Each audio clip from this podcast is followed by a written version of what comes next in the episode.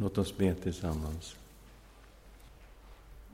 Herre, tack för att du är här. Lär oss om ödmjukhet, vi ber. Du som har sagt saliga är de ödmjuka. De ska ärva jorden. Lär oss, Herre, vi ber. I Jesu namn. Amen. Saliga är de ödmjuka. De ska ärva jorden. Vilket påstående! Känner ni till människor som regerar på den här jorden som är ödmjuka? Som har kommit till makten i många olika länder. Är det ödmjukhet som har fört dem till makten? Jag tror inte det. Men Jesus säger att de ödmjuka, de ska få den här jorden.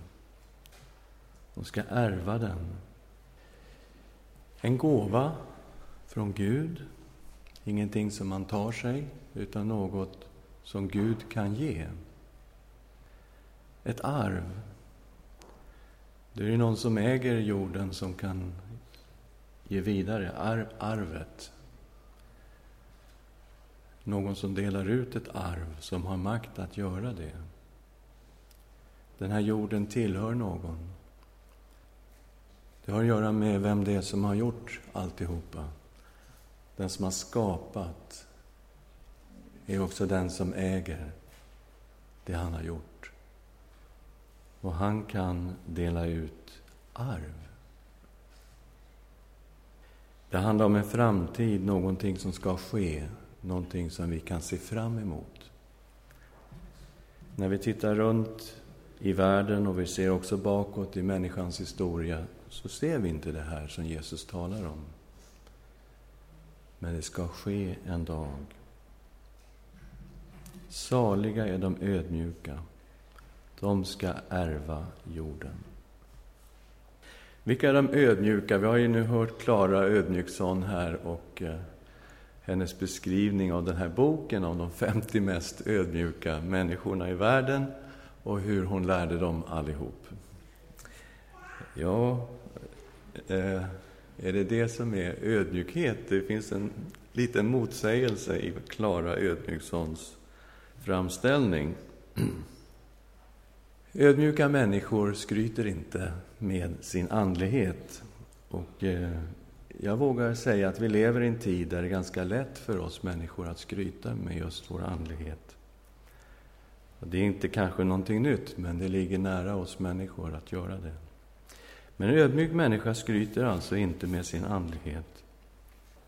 Vi fortsätter i bergspredikan och Jesus talar just om att eh, det är farligt att hålla på och skryta med sin andlighet. Givandet talar han om i Matteus 6, 1-4. Akta er för att utföra goda gärningar för att människor ska se er. Då får ni ingen lön hos er fader i himlen. När du ger en gåva, blås då inte trumpet för dig som hycklarna gör i synagogorna och på gatorna, för att människorna ska berömma dem. Amen säger jag er, de har fått ut sin lön. Nej, när du ger en gåva, låt inte din vänstra hand veta vad den högra gör, så att din gåva ges i det fördolda. Då ska din fader som ser i det fördolda belöna dig. Så gör man detta till exempel då som fariseerna. De eh, på Jesu tid de ville att människor skulle se att de gav en gåva. De ville att människor skulle se att de var andliga. Varför då? Ja, de ville vara ett gott exempel för andra. För de visste ju hur man skulle leva som en god och rättfärdig människa. Och de ville inte bara prata om det, de ville också visa det så att andra kunde se det och följa deras goda exempel.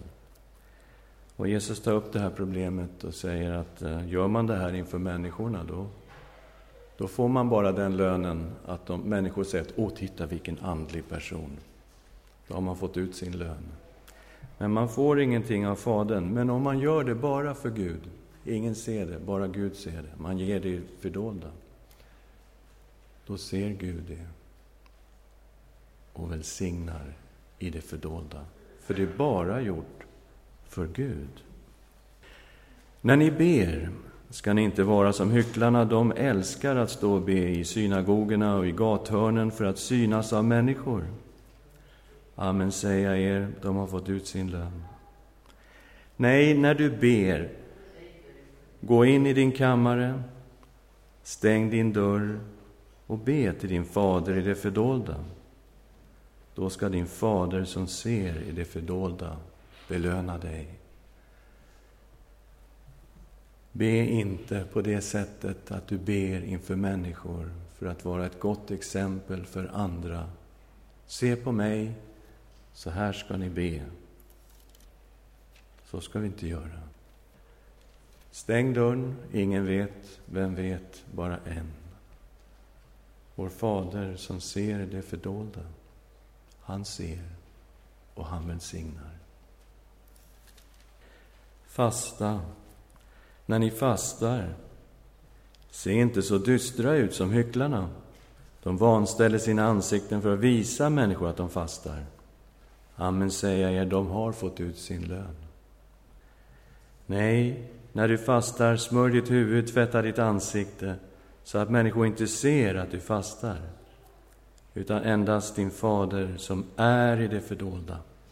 Då ska din fader som ser i det fördolda belöna dig. Fasta, men fasta inför Gud, inte inför människor. Det ligger så nära oss människor att visa andra genom vårt exempel hur andliga vi är. Vi har hela religioner som är uppbyggda på detta. Det här är oerhört starkt i islam till exempel. Just att det offentliga sättet visa hur man ger sina allmosor, visa hur man ber offentligt och visa hur man fastar offentligt.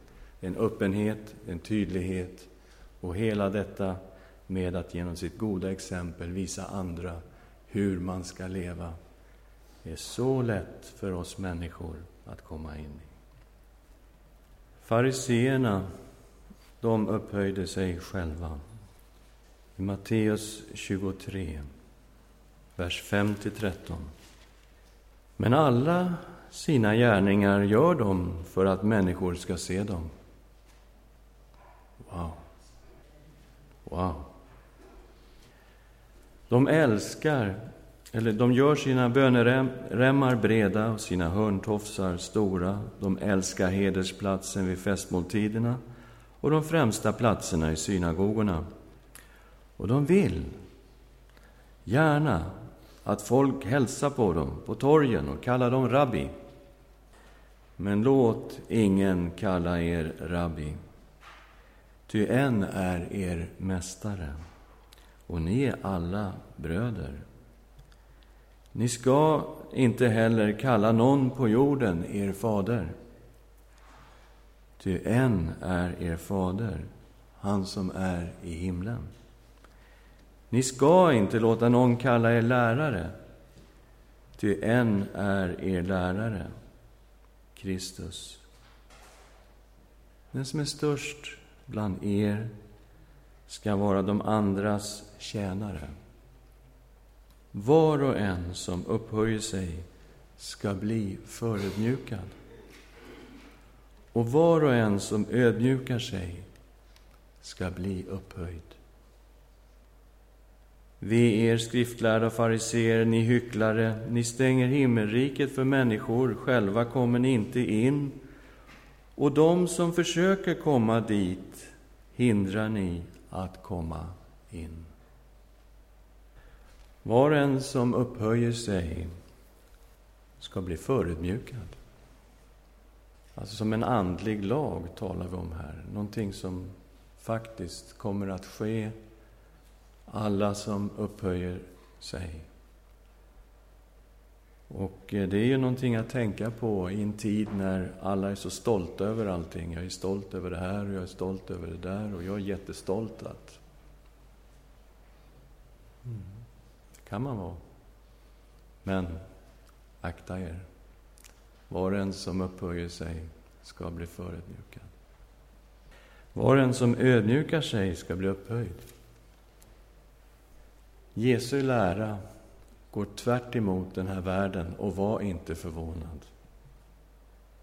Konstigt vore det annars. Men den gör det. Den är precis tvärt emot den här världen. Precis på tvärs. Och det visar han gång på gång. Att bli som ett barn. Matteus 18. I samma ögonblick kom lärjungarna fram till Jesus och frågade vem är störst i himmelriket. Då kallade han till sig ett barn. Va? Okej. Okay. Då kallade han till sig ett barn och ställde det mitt ibland dem och sa Amen säger jag er, om ni inte omvänder er och blir som barn kommer ni inte in i himmelriket. Den som ödmjukar sig som detta barn, han är störst i himmelriket. Och den som tar emot ett sådant barn i mitt namn, han tar emot mig. Barn stod inte särskilt högt i kurs på Jesu tid. Och Jesus tar det som är absolut mest oväntat på den här frågan. Vem är störst i himmelriket? Ja, det är väl den som har eh, flest andliga nådegåvor, den som profeterar bäst, den som ser flest människor bli frälsta, den som ser flest människor bli helade. Det är väl liksom... Så tar Jesus ett barn och ställer det mitt ibland lärjungarna och säger det här är utmaningen. Ödmjuka er inför Gud och bli som ett barn. Då kan vi börja tala om någon som är stor i himmelriket. Gud vill inte ha människor som kommer inför honom högmodiga, stolta över sin egen förträfflighet. Gud, du ser att jag är så bra. Tack Gud för att jag är så bra. Gud vill inte ha sådana. Utan han vill ha människor som säger Gud, förlåt mig. Jag är en svag människa. Du vet allt om mig. Jag behöver dig. Jag behöver din kraft. Jag behöver din hjälp. Jag har ingenting att komma med, Gud, i mig själv. Möt mig. Hjälp mig. Fräls mig. Förlåt mig. Bli som ett barn. Då får man komma in i himmelriket, därför att om man inte blir som ett barn så kommer man inte in i himmelriket. Komma inför Gud och tala om hur bra man är, kommer man inte långt. Om man vill in i himmelriket. Inte långt. Och Jesus säger då att den största i himmelriket är den som är som ett barn, den som är ödmjukast, är störst. Stämmer det? Låter det vackert? Är det poesi vi pratar om? Eller stämmer det här? Kan det verkligen vara så här? Ja, hur var det med Jesus? Jag tror vi skulle alla räcka upp handen och säga att han var störst i himmelriket. Ja, det tror jag är sant, helt sant. Jesus. Var han ödmjuk, denne Jesus? Ja, han var ödmjuk. Jesus var ödmjuk. Matteus 18. Nej, förlåt. 12. 15-21. Många följde honom och han botade dem alla. Han förbjöd dem strängt att avslöja vem han var. Har ni tänkt på den? Hur ofta såg ni Jesus skryta över att han helade människor? Hur ofta såg ni Jesus göra ett under när de kom till honom? Kan inte göra ett under? Vi begär ett tecken av dig, Jesus, så kan vi visa vem du är. Aldrig. Och gång på gång står vi inför det förbluffande att han förbjöd dem att berätta vad som hade hänt. Vi undrar, va? Ja, men det är klart de ska ut och berätta för varenda kotte allihopa, eller va? Nej, står det här. Han förbjöd dem strängt att avslöja vem han var. För att det skulle uppfyllas som var sagt genom profeten Jesaja, se, min tjänare som jag har utvalt, min älskade, i vilken min själ har sin glädje. Jag ska låta min ande komma över honom. Han ska förkunna rätten för folken. Han ska inte tvista eller skrika, hans röst ska ingen höra på gatorna. Ett brutet strå ska han inte krossa, en rykande veke ska han inte släcka förrän han har fört rätten till seger. Och till hans namn ska folken sätta sitt hopp. Herrens tjänare, Herrens lidande tjänare. Den utvalde, den älskade, i vilken Guds själ har sin glädje. Som han sa vid hans dop, den är min älskade son, i vilken min själ har behag. Över honom kom Guds ande. Men det var ingen som upphöjde sig själv, den här personen. Han hade en kraft som ingen kunde motstå. Han hade all makt i himlen och på jorden. Han gjorde alla tänkbara under och mirakler. Men han var ödmjuk. Och han var varsam med människor. Kan ni tänka er någon mer varsam person? Ett brutet strå ska han inte krossa. En rykande veke ska han inte släcka. Ändå hade han all kraft och all makt. Den är Jesus Kristus, så ödmjuk i hjärtat. Som han sa, lär av mig, jag har ett ödmjukt hjärta. Guds ödmjukhet uppenbarad i Kristus. Ja, är Gud ödmjuk? Det är en eh, en vass teologisk tanke som inte är så lätt att ta till sig. Att Gud skulle vara ödmjuk. Kan ni tänka er den tanken? Det är lite svår. Men jag, jag vill hävda att Gud är ödmjuk. Han har uppenbarat sig i Jesus Kristus. Och Kristus var ödmjuk i hjärtat. Han sa, den som upphöjer sig ska bli förödmjukad, men den som ödmjukar sig ska bli upphöjd. Stämmer detta på Kristus? Det stämmer. Filipperbrevet 2, vers 5. Var så till sinnes som Kristus Jesus var. Fast han var till i Guds gestalt räknade inte tillvaron som Gud som segerbyte utan utgav sig själv genom att anta en tjänares gestalt då han blev människa. Han som till det yttre var en människa ödmjukade sig och blev lydig ända till döden, döden på korset. En sån ödmjukhet har aldrig setts i hela universum. Aldrig någonsin. Han som var Gud ödmjukade sig och blev en människa. Kan ni tänka er?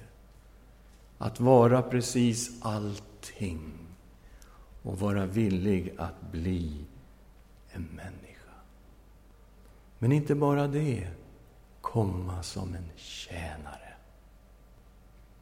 Inte bara det, ödmjuka sig och bli lydig ända till döden på korset. Kan ni tänka er något exempel på ödmjukhet som kommer ens i närheten av Kristus? Skaparen som kommer ner och ikläder sig en människa, blir en människa och tvättar lärjungarnas fötter. Gud är ödmjuk. Fantastisk tanke. Och det finns ett därför i den här texten som är så starkt. alltså. Han ödmjukade sig och blev lydig ända till döden, döden på korset. Därför har Gud upphöjt honom över allting och gett honom namnet som är över alla namn för att i Jesu namn alla knän ska böja sig i himlen, på jorden och under jorden och alla tungor bekänna Gud Fadern till ära att Jesus Kristus är Herren. Den som ödmjukar sig ska bli upphöjd och Kristus är upphöjd över allt. Han bär det namn som är över alla namn. Det finns bara ett är Guds eget namn. Det bär Kristus. Och i hans namn ska hela skapelsen, hela universum böja sig. Och alla måste bekänna, det finns bara en Herre, Jesus Kristus är Herren. Saliga är de ödmjuka, de ska ärva jorden. Hur kan man bli ödmjuk? O, oh, människa, hur går det till? Det finns en väg. Jesus talade om den. Försaka sig själv, ta sitt kors på sig och följa Kristus. Han kan förvandla våra hjärtan och våra sinnen. Var så till sinnes som Kristus Jesus var. Är det här någonting att fara efter i en värld när alla bara tar för sig? Alla bara ska upp, upp, upp. Mm. Jag lämnar den här frågan med er. Fundera på den. Fundera på den och se om det går att följa Kristus också i detta. Det finns sådana löften kring det här. Men vilket val för människan. Den högmodiga, stolta människan att böja sig. Jag ska bli som ett barn. Jag ska bli en tjänare. Jag ska ödmjuka mig. Utmaning att följa Jesus. Saliga är de ödmjuka. De ska ärva jorden. Halleluja. Herre, vi tackar dig och vi prisar dig för den du är den du är. Jesus, du som sa att vi ska lära av dig för att du har ett saktmodigt och ödmjukt hjärta. Åh, Herre, åh, Herre, lär oss, lär oss, Jesus, att vara dina efterföljare. Herre, i Jesu namn. Amen.